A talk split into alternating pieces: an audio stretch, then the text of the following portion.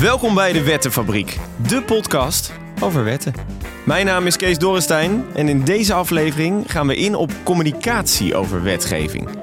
Om wetten goed te laten landen in de samenleving is het essentieel dat mensen er duidelijke informatie over ontvangen. Hoe zorg je daarvoor? Welke rol spelen de journalistiek en de wetenschap daarbij? En wordt goede communicatie over wetten lastiger door de opkomst van desinformatie? Dat horen we in deze aflevering van Guido Rijnja, communicatieadviseur bij het ministerie van Algemene Zaken. In sommige gevallen is het heel erg interessant om onderscheid te maken tussen boot en schip of tussen huis en woning. Maar in andere situaties werkt dat buitengewoon lastig. Parlementair journalist Joost Vullings. Ik hou dus heel erg van beeldspraken verzinnen. Waardoor mensen denken, ah, nu snap ik het. En hoogleraar staatsrecht Wim Voermans. En op een gegeven moment zegt die man: Stop, stop, stop. Onze kijkers kunnen echt heel wat aan. Maar dit is niet het begrijp. Spoedwet! Weg met de spoedwet! Op het Malieveld in Den Haag is gedemonstreerd tegen de spoedwet van het kabinet met tijdelijke maatregelen vanwege de coronacrisis. Niet alle wetten halen het journaal, maar sommige wetten kunnen een hoop losmaken. Zoals de zogenoemde coronaspoedwet, die het kabinet in het voorjaar van 2020 voorstelde om de noodverordening over de coronamaatregelen te vervangen. Nu een deel van die maatregelen voor een langere periode gelden, moeten deze van een goede juridische basis worden voorzien. Voor de duidelijkheid, die wet is niet bedoeld om meer speelruimte te geven aan het kabinet, maar juist meer bevoegdheden en mogelijkheden voor de Tweede Kamer. Maar veel mensen zagen de coronaspoedwet als een poging van het kabinet om macht naar zich toe te trekken en het parlement buitenspel te zetten. Voorzitter, dat is dezelfde minister die een coronaspoedwet wil invoeren waarin hij alle regie en macht tot zich kan nemen, zonder enige vorm van democratie. Het is een spoedwet die niet nodig is, die ongewenst is, die disproportioneel is en die de overheid veel meer macht geeft dan nodig is. Ze pikken onze vrijheid af. Ze pakken onze democratie pakken ze af. Hoe kwam het dat de beelden van deze wet zo uiteenliepen? Had betere publiekscommunicatie dat in dit geval nog kunnen veranderen? Ik ben Guido Rijnja en ik ben adviseur communicatiebeleid bij de Rijksvoorlichtingsdienst. Guido adviseert andere ambtenaren over de vraag hoe je goed kunt communiceren over wetgeving. Want daar ontkom je niet aan. Je kunt niet niet communiceren bij wetgeving. Uh, overigens, ook als je niks doet, communiceer je, want daarmee geef je ook iets af. Overheid heeft een plicht, ja, burger heeft een recht op informatie. En uh, dat is al heel lang zo. En dat betekent dat er bij alle wetgeving uh, aandacht is voor communicatie. In sommige gevallen is het heel erg interessant om een onderscheid te maken tussen boot en schip of tussen huis en woning. Maar in andere situaties werkt dat buitengewoon lastig en uh, is het handig om maar te kiezen voor een begrip wat mensen al gebruiken omdat dat, ja, volgens mij is dat een, een soort gouden wet in het, in het communiceren, is dat je altijd moet aansluiten op wat er is de werkelijkheid is misschien wel ons krachtigste concept. En als je aansluit op wat er is, dan sluit je dus aan op de beelden die mensen gebruiken, de woorden die mensen gebruiken. En uh, je zou in het algemeen kunnen zeggen op het gedrag wat er is. Joost Vullings, uh, politiek commentator. Joost Vullings, uh, politiek commentator. Onze politiek commentator Joost Vullings. Ik ben uh, Joost Vullings. Ik ben uh, politiek commentator voor uh, Eén Vandaag Radio en Televisie. Ook Joost begint als journalist bij de belevingswereld van mensen. Wij kijken vooral naar de relevantie voor het publiek. Wat, wat, wat doet het in het leven van mensen? Wat gaat het veranderen in het leven van mensen? Dat is het criterium waarom je de ene wet wel behandelt en een andere wet niet. Je hebt bijvoorbeeld in Nederland wel zo'n wet gehad waarbij de, de codering van alle chemicaliën gaan veranderen. Kijk, dat is niet iets dat is voor de chemische industrie heel belangrijk, maar niet voor, voor de mensen thuis. En daarnaast, als politiek commentator, kijk je natuurlijk waar zitten de ideologische verschillen. Waar zit de tegenstand en, en is het daardoor dat wetsvoorstel wel haalbaar of wordt het wetsvoorstel aangepast? Veel wetten zijn ingewikkeld. Hoe komen journalisten eigenlijk aan goede informatie over wetgeving? Nou, meestal, ik voer veel gesprekken. Als het, als het echt technisch wordt, dan ga je de memorie van toelichting lezen. We hebben natuurlijk nu eigenlijk de discussie die er natuurlijk nu heel erg is over wetgeving en journalistiek, is eigenlijk heel erg ingegeven door de, de kinderopvangaffaire, schandaal, moet je, moet je zeggen tegenwoordig. Uh, en, en dus het idee is dat als iedereen maar beter die wetten had gelezen, dan hadden we het kunnen voorkomen. Ja, dat, dat geloof ik eerlijk gezegd niet. Uh, want die, die wetten waren gewoon in de tijdsgeest. Dat, daar waren ruime meerderheden voor. En dan kan je zeggen, oké, een, een, een, een wetgevingsjurist had kunnen zeggen... hé, hey, er zit geen hardheidsclausule in. Ja, dat is gewoon specialistisch werk. Dus dat haal ik er niet uit. Dat kunnen beleidsmedewerkers die dat natuurlijk jarenlang doen... in de Tweede Kamer er wel uithalen. En in gesprekken met dat soort mensen kan je op dat soort uh, dingen die er niet in staan wel gewezen worden. Ik zelf kan dat er niet uithalen. Deskundigen, daar moet je, je kennis halen. Dat roept de vraag op: hebben deskundigen, zoals wetenschappers, eigenlijk een verantwoordelijkheid om de media te woord te staan? Bij mij is nu Wim Voermans, hoogleraar Wim Voermans. Staatsrechtgeleerde Wim Voermans. Wim Voermans. Wim Voermans. Goedemorgen, meneer Voermans. Ik vind dat uh, we inderdaad in ons vak, staats- en bestuursrecht, en dan met name uh, hoogleraren ook, uh, wel een opdracht hebben om als het gaat om duidelijk te maken waar het constitutionele recht over gaat. De meest fundamentele regels. Dat je daarover na moet denken. Hoe je dat dan over het voetlicht krijgt op de beste manier. Uh, niet alleen de boodschap, maar gewoon de essentie van die regels waar die over gaat. Want het gaat nogal over wat. Het staatsrecht gaat over onze allerfundamenteelste regels. Dat vind ik wel fijn, ja. Ook een brede zin. Dat, dat de wetenschap zich mengt in het publieke debat met de kennis die zij, die zij opdoen. Uh, ik heb altijd gehoopt dat daarmee de kwaliteit van, van het maatschappelijke debat, maar ook het politieke debat omhoog gaat. Omdat het gewoon kennis en inzicht uh, toevoegt. Joost Vullings zou het liefst ook met gespecialiseerde beleidsmedewerkers en wetgevingsjuristen spreken. Maar de contacten lopen meestal via woordvoerders mijn probleem met woordvoering is eigenlijk dat als het technisch wordt, dat ze het nooit weten. Dus dan bel je op naar zo'n ministerie om te vragen van, ja, hoe werkt dat dan? En dan gaat zo'n woordvoerder, die, nou, ik bedoel, dat ze het zelf het antwoord al weten, dat is ongeveer 1% als het echt technisch wordt. Dan gaan ze dus uh, met ambtenaren bellen binnen het ministerie of ze lopen langs. En dan bellen ze mij na een uur terug en dan krijg ik één antwoord. Maar dat leidt natuurlijk altijd tot een vervolgvraag. En dan zeggen ze, ja, dan moet ik weer terug. Dat zijn momenten dat ik denk, mag ik gewoon even zelf bellen? Want mijn vragen zijn eigenlijk apolitiek. Het gaat gewoon puur om hoe werkt die wet in de praktijk. De afgelopen jaren is er wel meer ruimte gekomen voor rechtstreeks contact tussen journalisten en ambtenaren. De strenge Oekase-kok is vervangen door soepelere richtlijnen. Guido Reina ziet belangrijke ontwikkelingen in de rolverdeling tussen communicatiemedewerkers en andere ambtenaren. De rol van communicatieafdeling is echt aan het veranderen dat, dat was de club die namens de hele organisatie uh, het woord voerde. En uh, dus met woordvoerders uh, de dingen bekend maakte in het land. Die rol blijft. Maar wat we zien is dat dat communiceren gebeurt door steeds meer mensen in de organisatie. Niet voor niets is de zogeheten Oekase kok over de externe contacten van ambtenaren ook gewijzigd. En zien we in de praktijk dat er veel meer contacten zijn. Rijkswaterstaat zal niet gauw een, een woordvoerder in beeld zetten, maar dan, dan zie je een weginspecteur. En uh, dat betekent dat vaker mensen die een specialisme hebben ook het uh, woord voeren. Alleen, specialisten houden van precisie en nuance. Is daar in de media wel voldoende ruimte voor?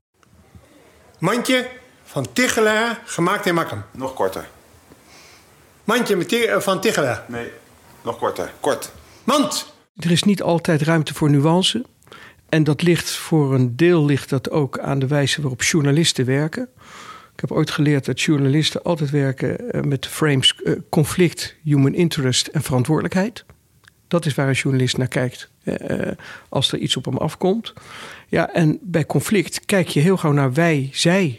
En gaan de gedachteconstructies ontstaan. Eens, oneens. En daar ga je over schrijven.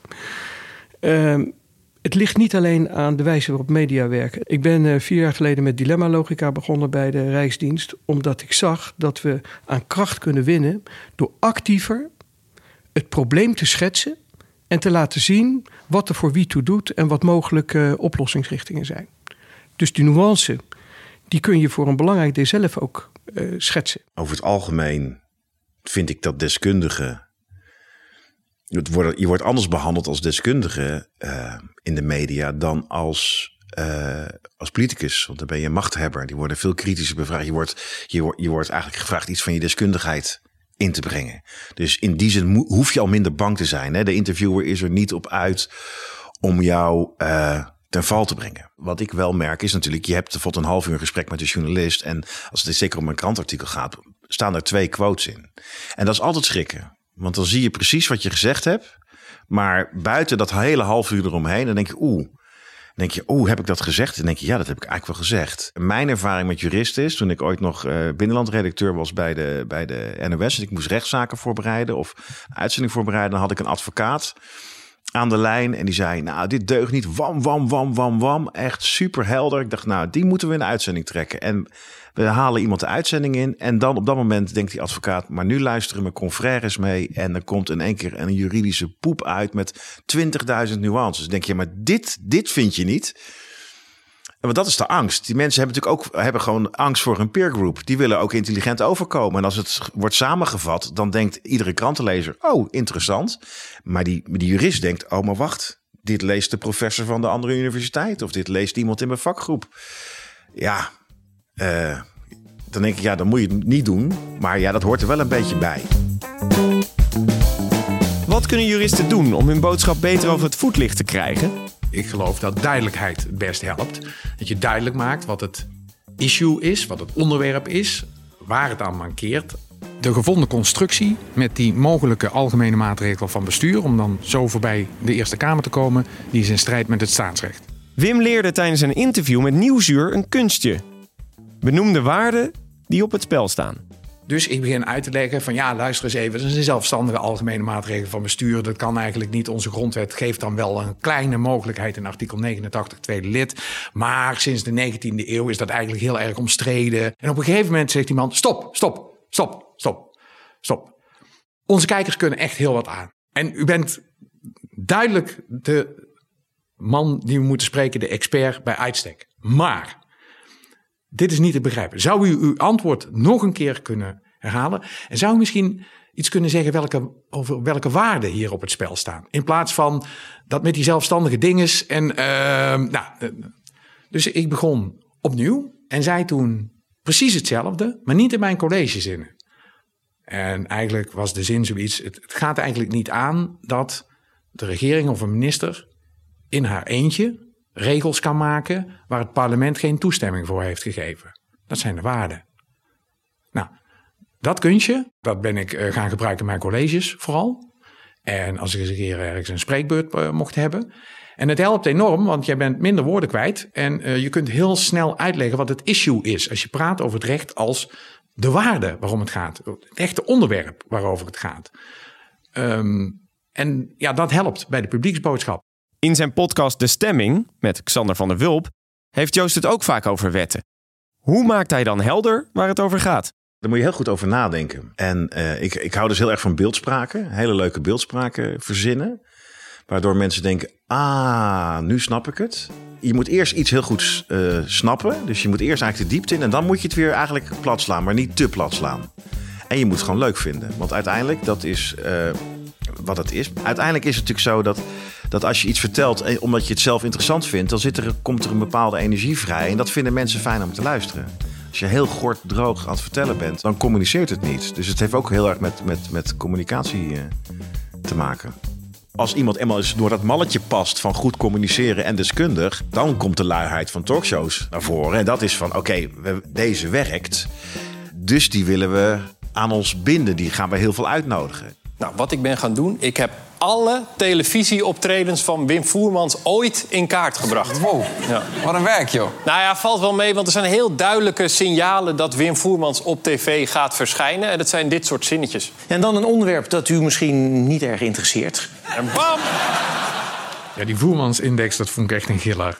Ik zat te kijken samen met mijn zonen. Um, ik wist van niks. Ik ging gewoon zitten. Ik kwam ook net terug uit een televisieuitzending overigens. Um, en uh, we gaan zitten en ineens uh, ja, ben ik daar in beeld. het ging maar door en het ging maar door. Heb ik ook nog even gekeken naar zijn jasjes. Jasjes? Ja, nou inderdaad, want na 109 interviews met Wim Voermans... durf ik wel te concluderen, Wim is een jasjesman. Oké. Okay. Ja, ik heb niet zoveel jasjes. Dus dat valt dan ook op dat je altijd hetzelfde jasje aan hebt. En dan eens een keer een ander jasje. Dat, en één keer in een half jaar of een jaar koop je een ander jasje. Dat valt dan ook op als je veel op tv bent. Het zijn natuurlijk niet alleen journalisten, woordvoerders en experts die informatie over nieuwe wetten verspreiden. Iedereen met een YouTube-kanaal of Twitter-account kan een duit in het zakje doen. Maar of dat nou altijd goede informatie is? De verhalen die naar buiten komen via verschillende wegen zijn dat we toch geregeerd worden door een in en in slechte, uh, satanistische, bloeddrinkende elite. Desinformatie is bewust verkeerde informatie verstrekken. Onjuiste informatie. En dat bewust doen. Met een doel, met een agenda. En dat zien we ook steeds meer in de politiek. Ja, steeds meer, ja, natuurlijk. Ja, ik bedoel, uh, uh, waar, waar je nog bij, bij uh, vroeger misschien selectief was in de feiten. Bepaalde dingen iets mooier voorstelde. Of bepaalde dingen uitvergroten. Dat zijn eigenlijk een beetje de, normale instrumenten in, in de politiek. Is het nu van twijfel zaaien tot dingen vertellen die gewoon totaal niet waar zijn. En waarvan het je eigenlijk heel weinig moeite kost om het tegendeel te vinden. Om die gewoon te vertellen en ook nog eens eindeloos te blijven herhalen. Ja, dat is wel onderdeel geworden van, van Politiek Den Haag. Informatie gaat razendsnel, uh, op een grote schaal, openlijk rond. Dat betekent dat de kans op, op onvolledige of onjuiste of misleidende informatie is voortdurend aanwezig. En daarom is het zo belangrijk ook voor parlementariërs, ook voor juristen, ook voor bestuurders, voor iedereen die met verantwoordelijkheid met informatie om wil gaan, dat die zich dan dus die vraag kan stellen: wie is de bron? Hoe verspreidt die informatie zich? Wat is de impact van deze informatie als dit openbaar is? En wat kunnen we doen om daarop uh, kennis aan te vullen of, uh, of eventueel bij te sturen? Ja, desinformatie speelt de, het afgelopen jaar echt wel een rol in het parlementaire debat. En dat vind ik echt jammer. Dus um, een, een, aantal Kamerleden die met coronacijfers aankomen of zeggen corona is gewoon niet geweest of was geen, uh, geen virus, was niet bedreigend. Dat is echt lijnrecht in strijd met de feiten. Dat is desinformatie. Ik zeg niet dat het strafbaar is. Ik zeg niet dat je uit de Tweede Kamer moet. Ik zeg niet dat uh, je het niet uh, mag doen, maar het is wel desinformatie. En het dient ook aan de kaak gesteld te worden binnen datzelfde parlement. Ja, voorzitter, dit is toch wel een vervelende aantijging. Hè? Dat ik word uh, beticht van het verspreiden van nepnieuws. Terwijl ik dit een, een staaltje nare demagogie vind.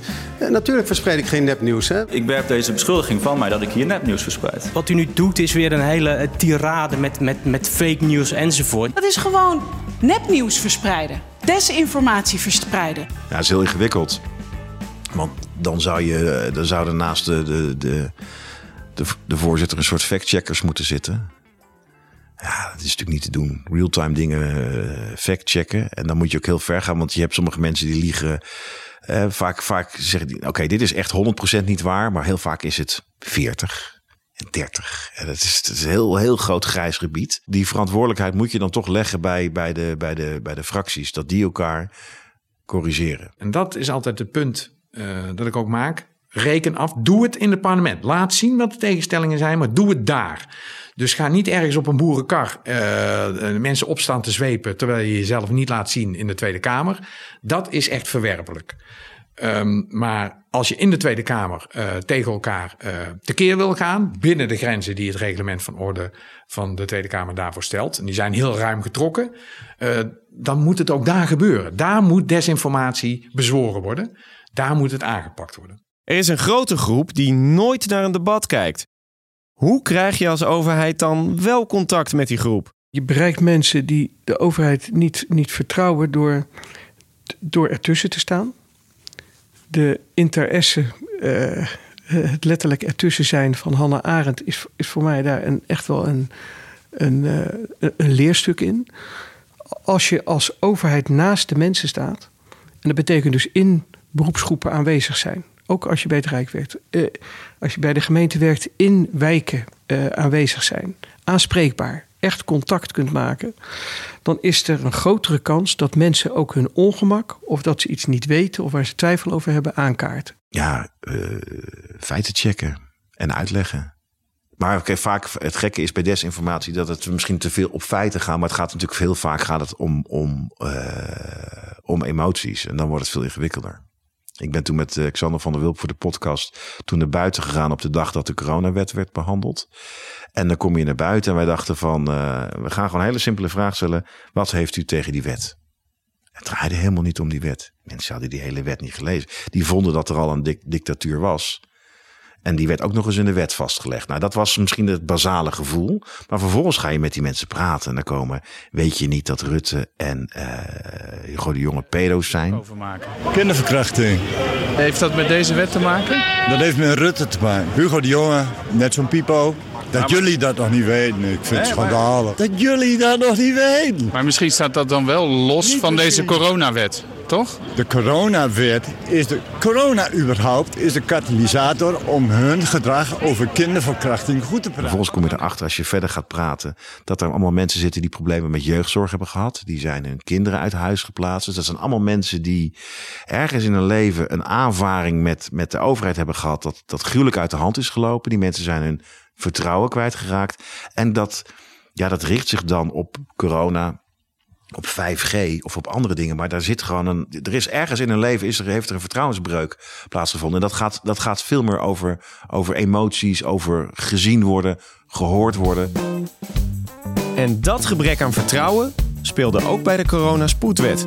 Kijk, onder de Wim Voermansen van, van deze wereld was natuurlijk van...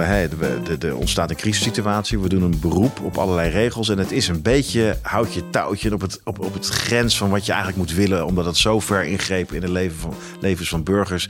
dat het toch, dat je denkt, dit schuurt juridisch. Dan denken dus de juristen, dit moet in een, dit moet in een wet verankerd worden... En dat denkt de politiek ook. Terecht denken ze dat. Maar ik denk dus bij complotdenkers die denken: wacht eens even, nu gaan ze het ook nog eens in een wet. En een wet staat, voor die mensen is een wet, oh, dat is de wet. Dus dat maakt het alleen maar erger. Dus terwijl je eigenlijk als jurist denkt van, maar dan geven we het een betere basis, met betere bescherming voor de, voor de burgers en meer eh, democratische controle. Ik denk dat de, de overheid te druk was, ook, ook de communicatiemensen, om dat door te hebben. dat is achteraf makkelijk zeggen, dat hadden jullie moeten doen, maar ja, misschien moeten we daar toch een beetje mild in zijn. De coronaperiode heeft met name in de eerste, eerste half jaar heeft ongelooflijk uh, uh, energie uh, opgeleverd. Dat wil zeggen dat we met crisis te maken hadden en er dus heel snel gehandeld kon worden. we zagen dat daar pers- en publiekscommunicatie door elkaar gingen lopen. Met, met onder meer die, die persconferenties die live werden uitgezonden. Waar ook door de media van is gezegd: Nou, is dat nou wel een goede manier om macht van tegenmacht te voorzien? Dat is de reden geweest dat we dat idee van dilemma logica, dus het actief open zijn over wat je wel en niet weet en het schetsen van bandbreedtes, dat we dat heel veel aandacht hebben gegeven. En dat kwam onder meer tot uiting natuurlijk in de toespraken van de minister-president van, uh, van minister uh, De Jonge, waarin we waar dat kon steeds hebben laten zien wat kunnen we doen. Gaan we nou net als de Fransen uh, de boel op slot gooien of als de Denen dat virus gang laten gaan? Of vinden we een middenweg waarin we proberen op een zo intelligent mogelijke manier om te gaan met de ruimte die we hebben? Later ook de intelligente lockdown genoemd. Toch vraagt Joost Vulling zich af of er bij de coronaspoedwet voldoende is nagedacht over communicatie. Ik denk dat ze uiteindelijk dat, dat er weinig communicatie over was. Ik heb, ik, ik, weet niet of dat klopt, maar ik heb ook wat ik toen hoorde was dat ze eigenlijk gewoon, oké, we hebben die plaatselijke verordeningen, schrijf dat om in een wetsvoorstel. Dat er dus ook, ook aan het beginpunt al te weinig is nagedacht, waardoor dat dat in de Tweede Kamer belanden, waar toen juristen zeiden: ja, maar dit, dit gaat wel heel ver. Weet je, die hadden. Het, het is een beetje tussen het wal en schip gevallen. Zowel het idee bij de afdeling die dat gemaakt heeft. Er was zoveel te doen, dus het heeft niet de aandacht gehad die het normaal zou krijgen. Wat er in dit geval niet goed is gegaan, dat wij onszelf meer tijd hadden moeten gunnen. Nou, en dat is onhandig geweest. En in de communicatie zat het natuurlijk heel erg op op de maatregelen. Wat moeten burgers op dit moment doen? Wat mag je en wat mag niet? En niet zozeer van waar is dat op gebaseerd. Dus ik denk eigenlijk dat je kan zeggen dat ze er dus te weinig over gecommuniceerd hebben. Omdat het geen prioriteit had. Wim heeft vanuit communicatieperspectief ook nog wel een verbeterpuntje. Het is grappig dat uh, waar we nu de hele tijd over hebben gesproken, de corona-spoedwet. Dat die eigenlijk de tijdelijke wet maatregelen COVID-19 heet. Um, en dat frame spoedwet, kreeg een, ja, een, een, hele pejoratieve betekenis. Alsof uh, ministers of het kabinet erop uit waren om dat heel snel door het parlement heen te trekken. Spoedmaatregelen, spoedwet. Uh, maar ja, daar gingen mensen mee aan de haal. Uh, van ja, luister even, dat zijn ze met ons aan het doen. Dus heel snel een wetje maken, zodat ons parlement niet meer mee kan praten. Terwijl juist in die corona Ik eh, haal nu, ik maak even in de lucht aanhalingstekens. Uh, terwijl in die coronaspoedwet juist mogelijkheden kwamen voor de Kamer om daar mee te praten. Dat is nou eenmaal zo, ja, dat is net als met bijnamen. Als dat ding eenmaal die naam krijgt, dan helpt er geen lieve moer meer aan. Over beeldvorming gesproken. In de volgende aflevering gaan we aan de hand van de spraakmakende spreidingswet, ook wel dwangwet genoemd, in op de verhouding tussen Rijk en gemeente. Wil je meer weten over wetten? Kijk dan op www.wettenfabriek.nl. Tot de volgende!